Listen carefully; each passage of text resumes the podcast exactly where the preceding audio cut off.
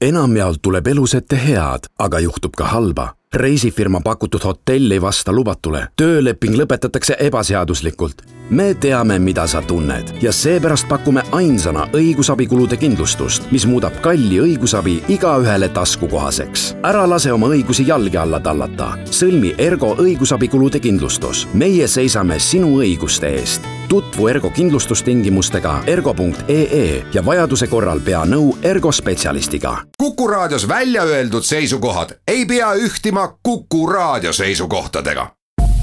Te kuulate Kuku raadiot.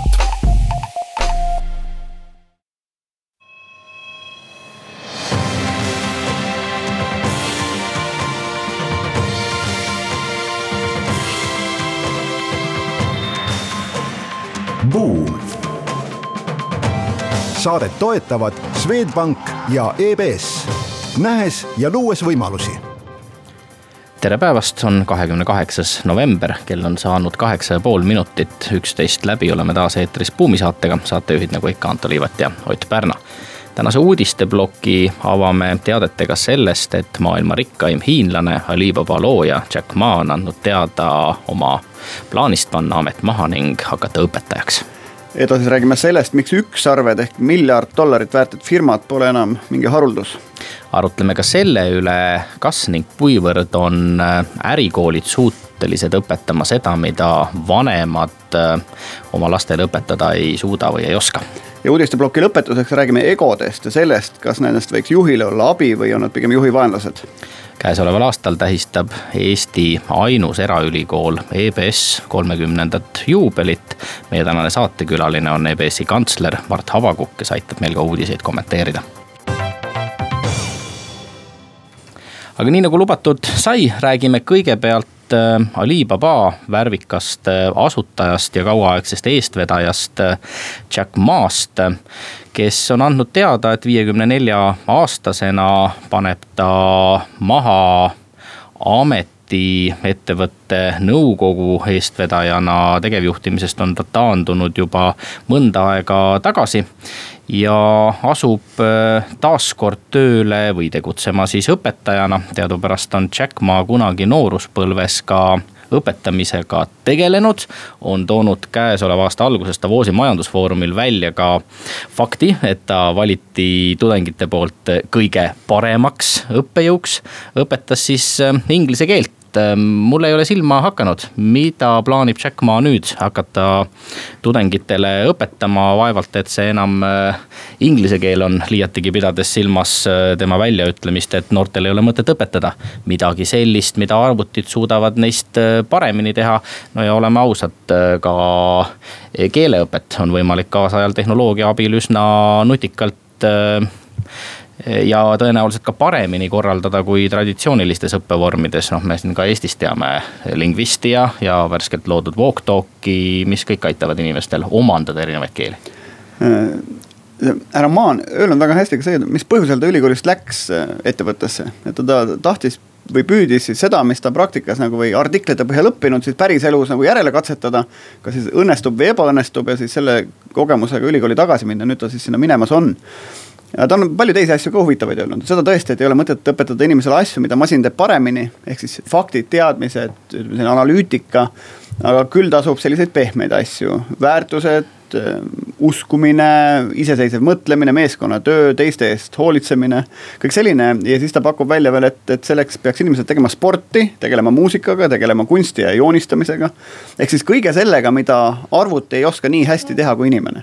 ja kõige sellega, mida arvuti oskab või varsti oskab paremini kui inimene, ei tasu inimesel konkureerima minna, sest igal juhul arvuti võidab Mart, sina tulid ka pärast pikki aastaid ärimaailmas äh, tagasi kooli, miks? no tere päevast minu poolt ka. et äh, ütleme nii, et ma kooli olin näpp, näpuga katsunud ja, ja kaugelt vaadanud mõnda aega ja siis äh, kusagil aasta tagasi see lihtsalt imes mind endasse. ja hetkegi ei kahetse õpetama ei ole sa veel hakanud, milliseid väljakutseid äh, kool sulle pakkunud on? Õpetama ei ole hakanud ja ma ei ole ka kindel, et ma selles oleksin üleliia hea. aga väljakutsed on äh, täna suuresti, suuresti puudutavad seda tehnoloogiat, mis kõik on muutunud kättesaadavaks. ja järjest rohkem iga päevaga muutub ja siis selle, sellest siis välja filtreerimine, et mida saaks nagu hariduses ja ja just ärikooli kontekstis kõige rohkem kasutada.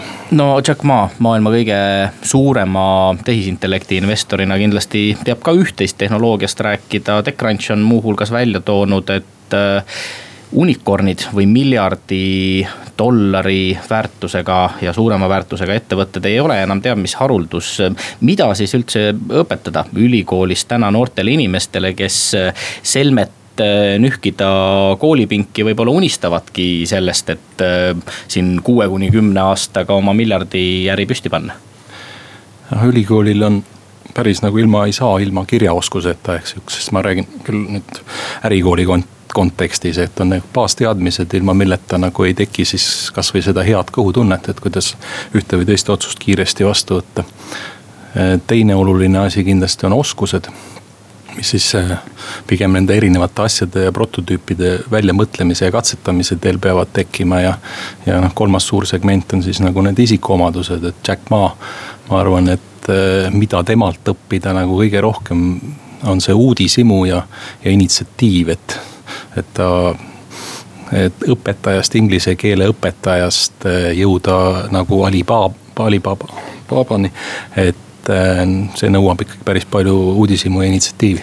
no Jack Ma on ehe siis Hiina näide sellest, kuidas siis ajalehepoisist saab miljonäriks, et ta on selline raamatu näide sellest, kuidas siis viiekümne nelja aastaselt olla nagu maailma üks rikkuse esi vist viies või kuues inimene. ja mis ta on väga hästi öelnud, ta nimelt sai viiskümmend neli aastat vanaks ja siis tema on öelnud seda, et, et kui vaadata inimese karjääri, et siis ütleme vanuses kakskümmend kuni kolmkümmend peaks vaatama endale väga hea bossi, kelle all töötada. ehk siis sa õpid äh, selgeks kellegi hea inimese mingid tööprintsiibid, kuidas mingit asja siis nagu tehakse. siis kolmkümmend kuni nelikümmend vanuses peaks siis oma unistusi ellu viima, et selles vanuses võid veel nagu fail ida või eksida, saad uuesti pihta hakata. nelikümmend kuni viiskümmend, siis peaks tegema seda, mis sa, milles sa nagu hea oled viiskümmend edasi võiks asuda õpetama, ehk siis järgmist generatsiooni välja õpetama. ja kuuskümmend edasi võiks tegeleda lastelastega. et arvestades, et härra on praegu viiskümmend neli aastat vana, siis noh, nipa-napa, ta on poole peal seal, kus ta peaks õpetama. et äh, väga, väga nõus jah, et see on ka suur oskus leida, tunda ära see hetk, kus sa niimoodi peaksid asja, asja üle andma. ma eile käisin, kohtusin äh, väikese koolituse raames Läänemaa ettevõtjatega ja Läänemaa ettevõtjad ütlesid küll, et äh, pereettevõtted kipuvad äh, nihu minema mitte sellepärast, et äh, vanemad annaksid oma lastele juhtimise liiga vara üle, vaid ikka pigem sellepärast, et antakse üle liiga hilja, nii et küllap siin selle Jack Ma mõtetes on oma tõetera sees, aga kuulame nüüd ära reklaamipausi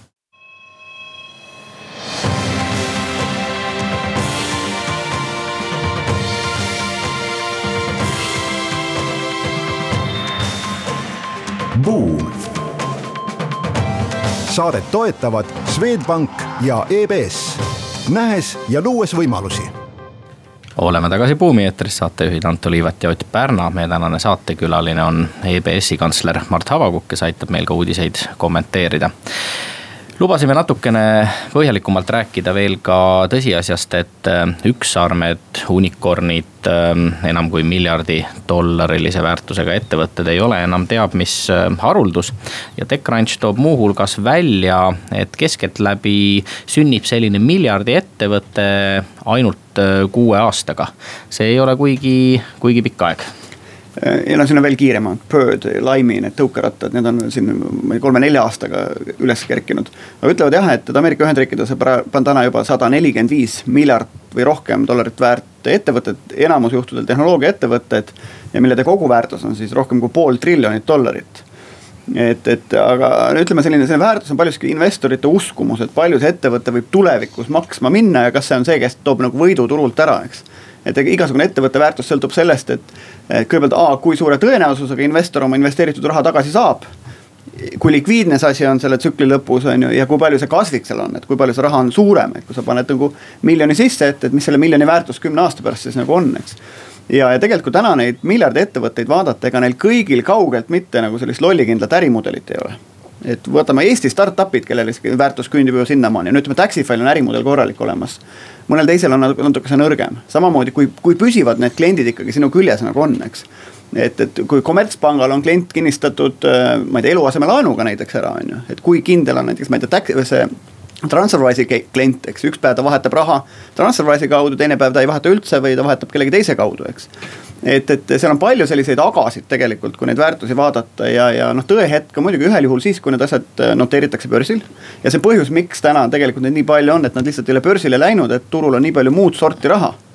Äh, kasvõi nii-öelda odavat riskiraha SoftBanki näol näiteks no traditsioonilises kinnisvaraäris vist äh, miljardi portfelli kuue aastaga teha on natukene liiga ambitsioonikas eesmärk või kuidas, Mart, sulle tundub? ma arvan, sihuke ettevõtte nii-öelda väärtus on sihukene hea lihtsustus ja, ja uudisesaates hea, hea mõõtühik aga pigem selle äh, ime, imeks paneb sellesse ükssarvede loogikas see, et kuidas nagu mõne aastaga on loodud organisatsioonid, kus on nagu tuhandeid töötajaid ja need kõik omavahel sedasi sujuvalt nagu koos jahvatavad, et. et äh, see on, see on äh, asi, mida tuleks nagu lähemalt uurida ja õppida. aga siit saabki edasi minna järgmise jututeemani, Della Bradshaw kirjutab Financial Timesis eh, sellest, eh, mida ärikool saab õpetada, aga vanemad tihtipeale oma lastele kas ei oska või ei suuda õpetada ja räägib ka üksjagu palju sellest erinevate ärikoolide professorite suu läbi. et just pereettevõtjad ikkagi peaksid saatma oma järeltulijad kõigepealt ärikooli, enne kui nad siis pereettevõtte juhtimises hakkavad kaasa lööma. sa oled, Mart, ise sama teed käinud suuresti, millist väärtust ärikool andis lisaks sellele, mida vanemad õpetanud on? Nagu korra mainisin, et selline baaskirjaoskus ja, ja võimalus igasuguseid erinevaid asju katsetada ja erinevate inimestega kohtuda ja nendega noh. oluliselt sügavamalt tuttavamaks saada, kui lihtsalt, lihtsalt selline kohviku jutu ajamine ja arvan, et äriharidusele sihukese pereettevõtja kontekstis on, on oluline selle poole pealt, et enamik eh, noh, neid töökohti, kus meie lapsed tööle hakkavad, et suure tõenäosusega täna enam ei eksisteeri ja, ja tulevikus see kiirus ei kahane, vaid pigem muutub, nii et. et, et see on üks suurem selline õpp, õppimise protsess ja, ja ärikool on, ärikooli see baasteadmised ilmselt. mina usun sellesse, et need on kõige paindlikumad igasuguse uue asja omandamiseks vaja minevat baasteadmist. no mida see artikkel räägib siin on see, et ärikooli haridus on hea selleks, et üleüldse nagu noh, saada aru, kuidas ühte organisatsiooni juhtida et jah, sa võid kogemuste pidi seda õppida, aga ärikoolis sa õpid tihti ka teiste kogemuste pealt on ju ja oma kogemuste, et noh, kõiki ämbreid ei pea nagu ise läbi loksutama, et sa võid nagu võiksid nagu teadlikum juht olla. mida nad räägivad veel siin näiteks INSEADis, mis on siis Prantsusmaal ja Singapuris asuv ärikool tuhandest iga aastal vastuvõetavast või lõpetavast MBA tudengist eh, ainult sada on pereettevõtetest. Samas me teame, et maailma firmadest on mingi kuuskümmend protsenti pereettevõtted. et pereettevõtete siis kas esimese, teise või kolmanda põlvkonna juhid liiga harva käivad ärikoolis, vähemasti seda artiklit nagu lugedes. aga Mart, sinu eelmisest mõttekäigust kinni võttes, et üks asi, mida sa kindlasti õpid, seal seda ärikoolides on see, et, et just kuidas seda kiiret kasvu näiteks manageerida ettevõttes et sul algul võib olla see, ütleme selline visioonikas ettevõtja, kes usub sellesse ärimudelisse, aga, aga sealtmaalt, kui sa hakkad asja kasvatama, see. noh, Mark Zuckerbergi seesama Facebook, et, et aastal kaks tuhat kuus tal praktiliselt inimesi ei olnud, aastal kaks tuhat kümme oli tal kaks tuhat ükssada inimest. seitse aastat hiljem on tal kakskümmend kaks tuhat inimest et kuidas sellist kiiret kasvu, siis tohutut inimeste juurdetulekut, kuidas seda organisatoorselt üldse ära manageerida et see on noh, ilmselt eh, tugev annus enesekindlust peab asja juures olema. Jack Ma ütleb selle kohta, et ümbritse ennast nagu endast targemate inimestega, siis on tõenäosus õnnestumiseks suurem. aga, aga siiski ütleme, see on puhtalt op operatsiooniliselt on ta suur, keeruline ülesanne.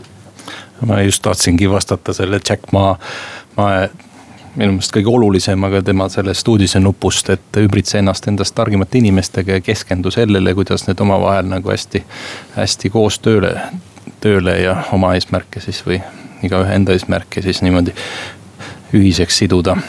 ja ma arvan, et see on see võtmesõna, mida on noh, sihukese talupojamõistusega ilmselt võimalik ka täiesti aru saada. aga samal ajal üks ähm, link, äh, uudisnupp, äh, ülevaade, mida sina, Mart, meiega jagasid pärineb siis äh, veebikeskkonnast äh, entrepreneur.com ja seal tuuakse ikkagi välja, et ärikoolid ei suuda kuigi hästi õpetada seda, kuidas neid kõige paremaid inimesi värvata kuivõrd seda üldse on võimalik tegelikult õpetada koolikeskkonnas, see pigem eeldab ikkagi kogemust ja ka selliseid kõhutunde väljaarendamist lõpuks. no ühelt poolt ilmselt ta eeldab sellist mängiva treeneri positsiooni ka sellelt juhilt, et need väga head inimesed ei ole käsukorras juhitavad noh, palliplatsiltki me seda teame.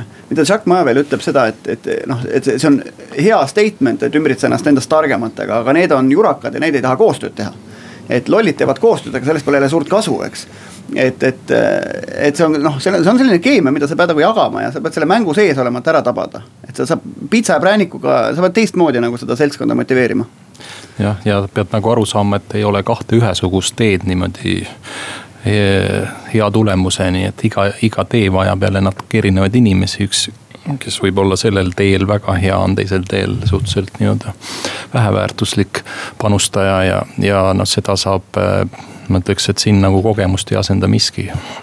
lõpuks ikkagi ettevõtjad peavad äh, suutma ka vastuvoolu ujuda ja instinktide põhjal teinekord äh, teevad otsuseid, äh, mis tunduvad olevat valdava enamuse inimeste tervemõistusliku loogikaga vastuolus palju sa, Mart, oled pidanud tegema selliseid valikuid, noh, mille kohta üldsus ütleb, et nii küll ei saa?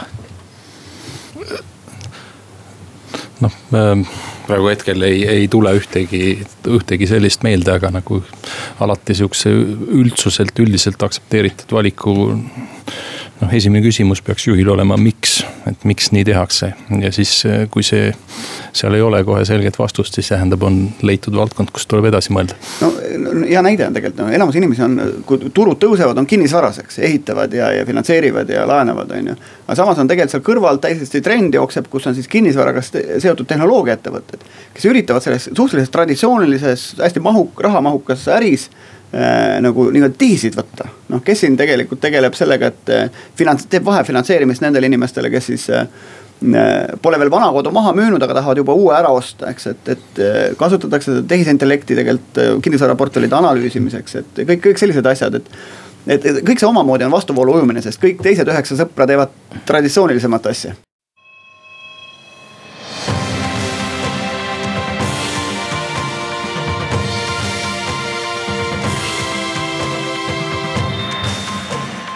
Buum. saadet toetavad Swedbank ja EBS, nähes ja luues võimalusi oleme tagasi Buumi eetris, saatejuhid Anto Liivet, Ööt Pärna, meie tänane saatekülaline on EBS-i kantsler Mart Habakukk ühe uudise lubasime veel rääkida ja see puudutab äh, küsimust egost, on see juhi abiline või hoopistükkis vaenlane.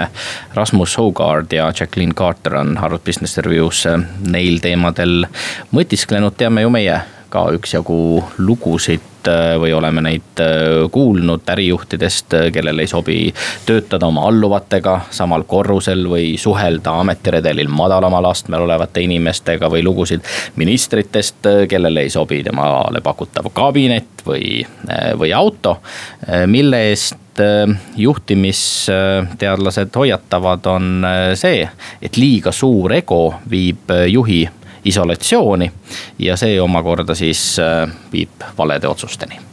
Äh, nad tõid siin hea termini sisse, täispuhutud ego ehk juht saab ametisse, see ego nagu, nagu mull kogu läheb suuremaks, eks.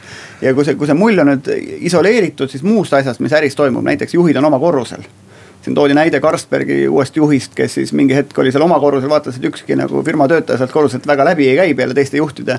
ja kolis oma lauaga siis või oma arvutiga mingisse tühja lauda paar korrust allpool. lihtsalt selleks, et näha, mis elu ümberringi firmas nagu käib, et. et siin on põhiline jutt ongi sellest, et see ego viib selleni, et sa isoleerid ennast ära ümbritsevast. võib-olla klientidest, töötajatest ja see on selline noh, nagu pimese autoga sõitmine, et, et üks hetk võid nagu kraavi keerata, kui midagi hakkab metsa minema et äh, küsimus oli, kas ego on juhi abiline või, või vaenlane, siis ega siin äri ja poliitikaga võib ka tõmmata paralleele, eks me oleme näinud suure egoga siis riigijuhte ja siis milleni see on nagu viinud ja, ja kindlasti on riigi juhtimine muutunud efektiivsemaks, aga kõik needsamad miinused on mis sellise efektiivistamisega kaasnevad, need on, toimuvad ka ettevõttes, et on ilmselt väga vähe tarku ja intelligentseid inimesi, kes sooviks selles organisatsioonis töötada.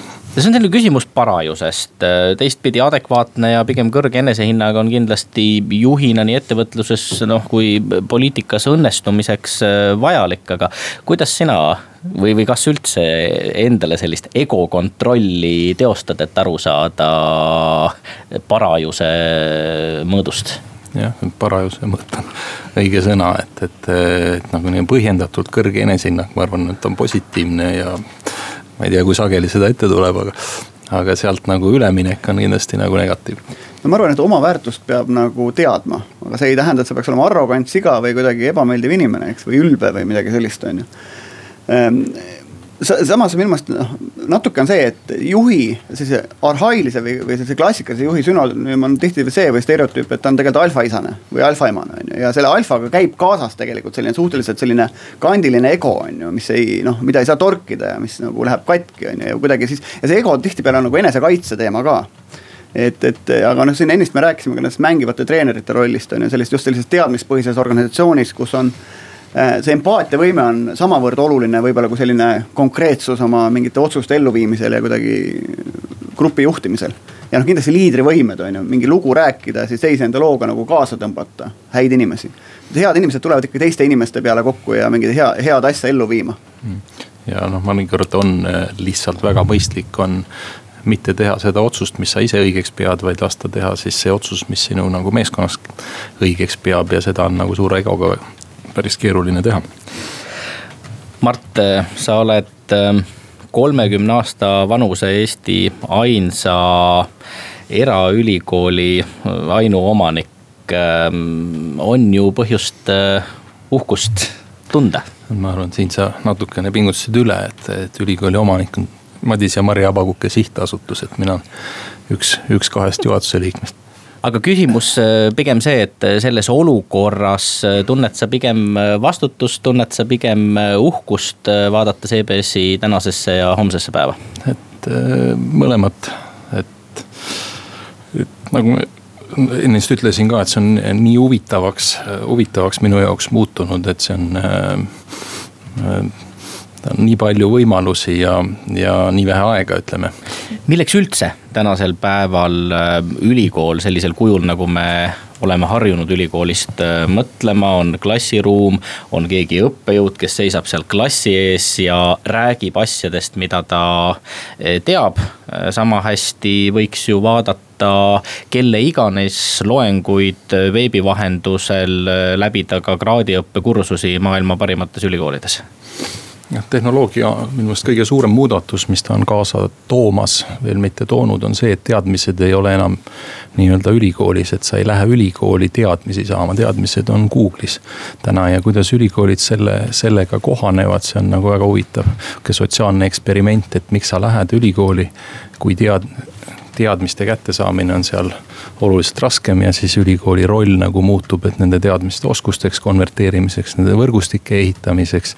ja tõesti sihukeseks äh, isikuomaduste arendamiseks sellel perioodil eks see, mis sa tegelikult ütled, äh, viitab tõsiasjale, et äh, üha vähem peaks olema ülikoolis neid õppejõude, kes tulevad auditooriumi ette ja räägivad sellest, mida nad teavad. jah, et auditooriumi ette minna selleks, et rääkida seda, mida sa tead. kui see on niimoodi olemas Google'is, eks, et siis äh, seal küll väga palju nagu loogikat või põhjust ei ole ja et sa nagu ei austa nende inimeste aega, kes. kes on siis selleks tulnud sinna auditooriumisse, aga see ei tähenda üldse, et auditoorne töö peaks miskipärast ära kaduma, see lihtsalt muutub. no eks see on võib-olla see ka, et inimestele nagu võime rääkida oma lugu või oma kogemust lahti, et, et noh, ma räägin, sa võid lugeda N-arv poliitikat käsitlevaid raamatuid läbi. ja kuulad see kaks tundi seda Tony Blairi kõnet, kuidas ta räägib sellest, kuidas ta kümme aastat Britanniat valitses, on ju. sellest kõnest sa korjad nii palju rohkem üles, kui sa need N-arv raamatud läbi loeks. aga samas mõlemad on olulised, eks et nad tegelikult nagu täiendavad üksteist. aga ma tahtsin Mart küsida, et, et suur osa Eesti ärikoole või, või erakoole on hingusele läinud. EBS on vist üks väheseid, kes kolmkümmend aasta pärast on nagu või kolmkümmend aastat pärast asutamist on püsti, et mis te olete teistmoodi teinud või mis on teised valesti teinud? ma arvan, et kõige olulisem on, et on keskendatud keskendutud sellele asjale, mida, millest on kõige rohkem nagu teatud, et. siis Madise puhul siis nagu majandus ja äri. ja ei ole nagu mindud kaasa kiusatusega alustada niimoodi äh, õigusinstituuti või, või siin oli veel moe, moe teemadel ja disaini teemadel kaasa rääkida, mis, millest kõik ei ole seda kiusatusele suutnud vastu panna. Kas EBS-il on olnud ähm, läbi ajaloo ka eeskujusid äh, koolide hulgas, äh, organisatsioonide, ettevõtete hulgas, äh, kellelt šnitti võtta, noh, ma tean, et sa ise omad näiteks Tesla aktsiaid ja tunned Tesla toimetamiste vastu huvi? et Tesla riistvara oman, et aktsiaid ei oma, aga, aga et aja kooli alguses oli selgelt oli, pilk oli Ameerika poole ja, ja ammutati tühja koha peale kõike, mis, mis tundus uus ja huvitav. ma ütleks, et täna, et sellist nagu konkreetset asutust, organisatsiooni või kooli ei ole, et see iga asja kohta on nii palju infot on nagu internetis saadaval ja, ja seal, et kust ta täpselt pärineb, et see on pigem on sihukene nagu mõtlemise abi abi, et ammutad infot ja teed sellest omad järeldused kui rahvusvaheline on EBS? miks ma seda küsin, on need ettevõtlike noortekojaga JCI ja Seikoga, Seikoga me kunagi andsime lõputöödele auhindu välja EBS-is. ja ühe korra me mõtlesime, et, et ettevõtlike noortekoda on rahvusvaheline organisatsioon, kakssada tuhat inimest üle maakera. et annaks lõpu, rahvusvahelisele lõputööle. ja üks aasta meil see kell jäi välja andmata, kuivõrd me ei leidnud rahvusvahelist sellise tasemega tööd, et kuidas see seis täna on? et EBS-is sel semestril on kolmkümmend üks erinevat rahvust ja täpselt ei oska öelda, kolmandiku kuni neljakümne protsendi vahel on ta mitte, mitte Eesti residentist õpilased. ja noh, suure panuse annab sellest küll Helsingi filiaal no ma pean siin selle kiusliku küsimusega ära küsima, et kui meie vilistlane Karoli Hindriks äh, kirjutab täna ühest oma ameeriklannast Eestis elavast äh, ettevõttest ettevõtjast, sõbrannast, keda tänaval kividega loobiti ja soovitati inglisekeelsete lausetega võõramaalasel koju tagasi minna, siis äh, selles valguses, kui palju on meil põhjust unistada rahvusvahelisest ärikoolist Eestis ka pikemas ajaperspektiivis? et äh, ma arvan, et siin rohkem kui unistada, et ärikoolis nagu mitte rahvusvahelist ärikooli ma ei kujuta ette, et kahekümne esimesel sajandil oleks äh, mingigi loogika pidada. ja just see on nagu väga kahetsusväärne juhtum, et, et, et sihuke erinevatest kultuuridest arusaamine on iga tänapäeva organisatsiooni nagu juhi sihukene baasteadmiste paketti peab kuuluma kui suurt rolli sa näed siis juhtidel, ettevõtte, ettevõtte juhtidel Eestis, ütleme sellist väärtushinnangut ka ühiskonnas kujundada, et kui siin poliitikud mis iganes põhjustel kerivad sellist vastastikust viha üles, on ju, et, et siis. ütleme selline intelligents ühiskonnas laiemas plaanis, kes võiks seda asja nagu korrale kutsuda et noh, me vaatame siin kasvõi vanemaid või selliseid Põhjala riike, kasvõi parlamendis inimesed tõusevad püsti, kui küsivad küsimust sellelt, kes on kõnepuldis, eks. et sellist üldist viisakust peaks nagu ka noh, kõik liidrid ühiskonnas nagu evima ja võib-olla teisi ka üles kutsuma sellele. arvan, et ettevõtetel just sihukeste suurte rahvusvaheliste ettevõtete, kes Eestis tegutsevad, nende juhtidel on kindlasti see kohustus äh, selliste juhtumite osas oma seisukoht võtta. kuulame nüüd ära reklaamipausi ning seejärel jätkame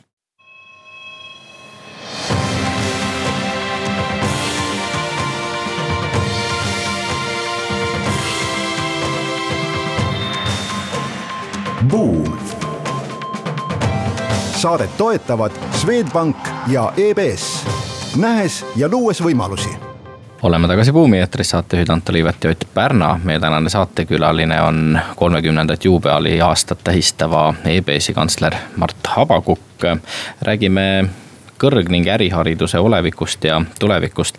sa oled, Mart, välja öelnud ka ühe sellise provokatiivse mõtte, et tõenäoliselt pole kuigi mõistlik jätkata ülikoolides formaadiga, kus inimesed tulevad, omandavad miskisugused õpiväljundid äh, läbivad kursused, mis on õppetasemel ette nähtud ja pärast seda ülikool ütleb neile, et nüüd oled sa valmis iseseisvaks eluks, ära meie juurde enam kunagi tagasi tule. selle asemel võiks ülikoolidest kujuneda keskkond, kuhu tahetakse ikka ja jälle tagasi tulla ning äh, mis tegelikult toetab inimese nii professionaalset kui isiklikku arengut äh, läbi kogu tema elukaare.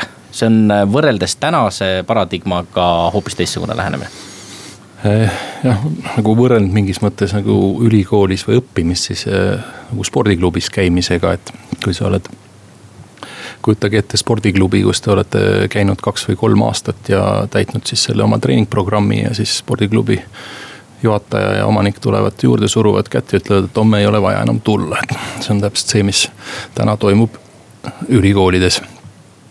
ja tänu tehnoloogiale eh, on juba täna, aga ka lähiaastatel üha rohkem ja rohkem võimalik teha individuaalseid õppekavu. et inimene valib siis lähtuvalt oma vajadustest, eh, ajast, tal on pere, hobid, töö, muud väljakutsed sealhulgas füüsise eest hoolitsemine, et nüüd nagu ka vaimu eest hoolitsemine, et sellised õppekavad on täna juba täiesti võimalik panna individuaalselt kokku ja, ja mingis osas need haakuvad siis ülikooli taseme, tasemeõppega, aga kindlasti, kindlasti sinna seguneb ka palju, palju muid asju ja noh, et see on, ma arvan, see formaat, kuhu me, kuhu me niimoodi taht-, tahes või tahtmata liigume. kui tõsiseltvõetav on noor inimene tööturul diplomiga mille kohaselt ta on läbinud individuaalõppekava, ehk siis põhimõtteliselt õppekava, mille ta on iseendale oma parema äratundmise järgi koostanud.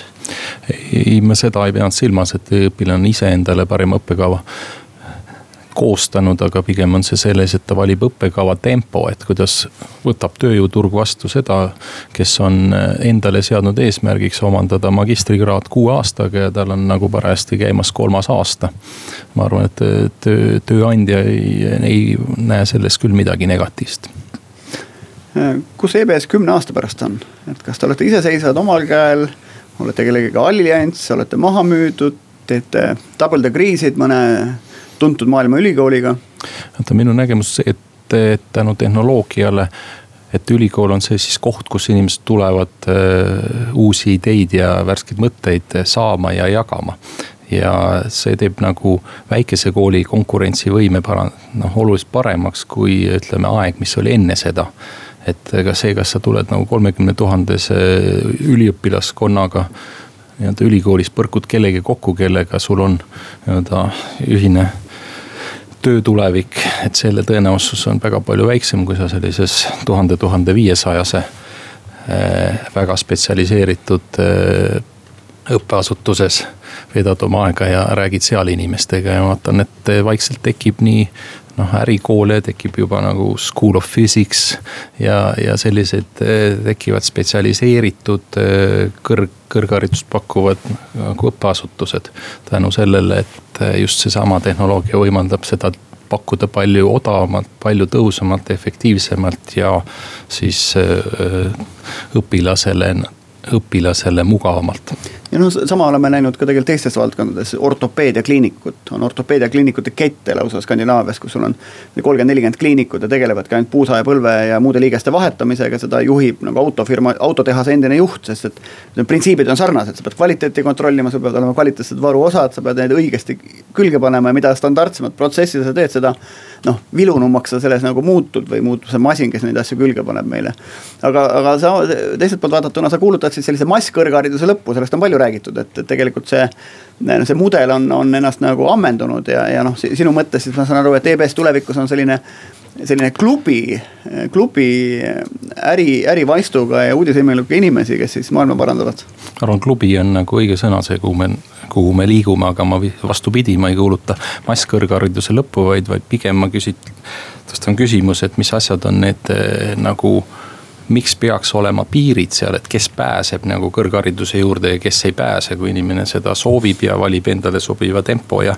ja pühendub sellele, siis ütleme, väga paljud inimesed on selleks võimelised, iseküsimus, et äh, jälle, et, et see muutub, kõrgharidus muutub palju enamatele kättesaadavaks, see ei ole enam kinnine klubi. mulle meeldib see mõte, et, et, et kõik peaksid saama sisse või, või kes, kes tahab, peaks saama sisse. et kuidas sina omalt poolt näiteks talenti defineerid, et meil siin kiusatus on ühiskonnas nagu talente defineerida ja mingi parameetri alusel siis. peakuju või, või, või lõpuhinnete või, või mingi testi tulemuste nimel siis öelda, kes on talent ja kes ei ole, et, et kui lai või kitsas käsitlus sul on? kuidas defineerida talenti, ilmselt midagi, mingi valdkonnas tuleb kellelgi miski asi väga hästi välja, eks, et siis ta on selle valdkonna talent, eks ähm,.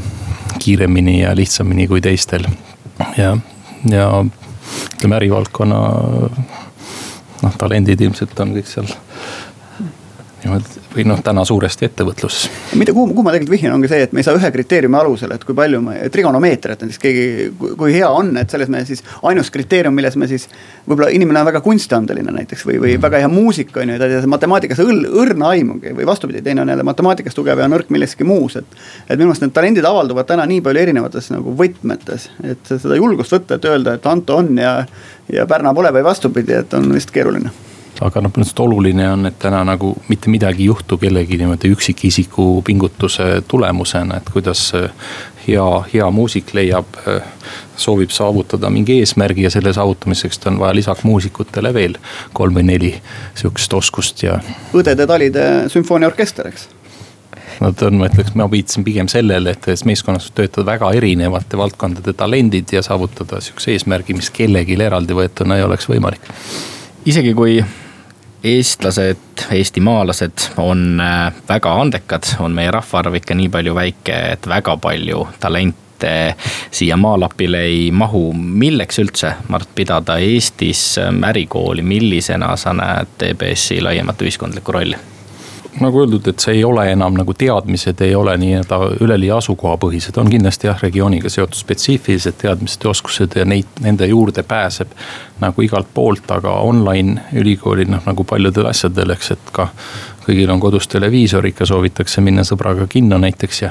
ja, ja siis pärast nagu muljeid vahetada, et siis ja see peab asuma mingi mõistliku distantsi kaugusel sinu, sinu sellest elu või töökohast ja, ja sellepärast vajab iga, iga vähegi arve, arvestatav linn nagu rohkem ülikoole ja kohti siis, kus klubi, klubiliselt siis oma teadmisi omandada ja jagada.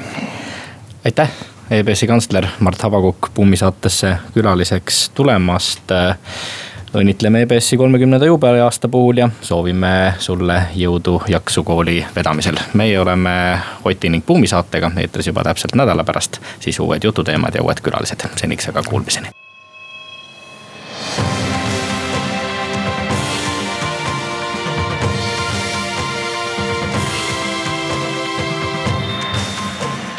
Buum. saadet toetavad Swedbank ja EBS nähes ja luues võimalusi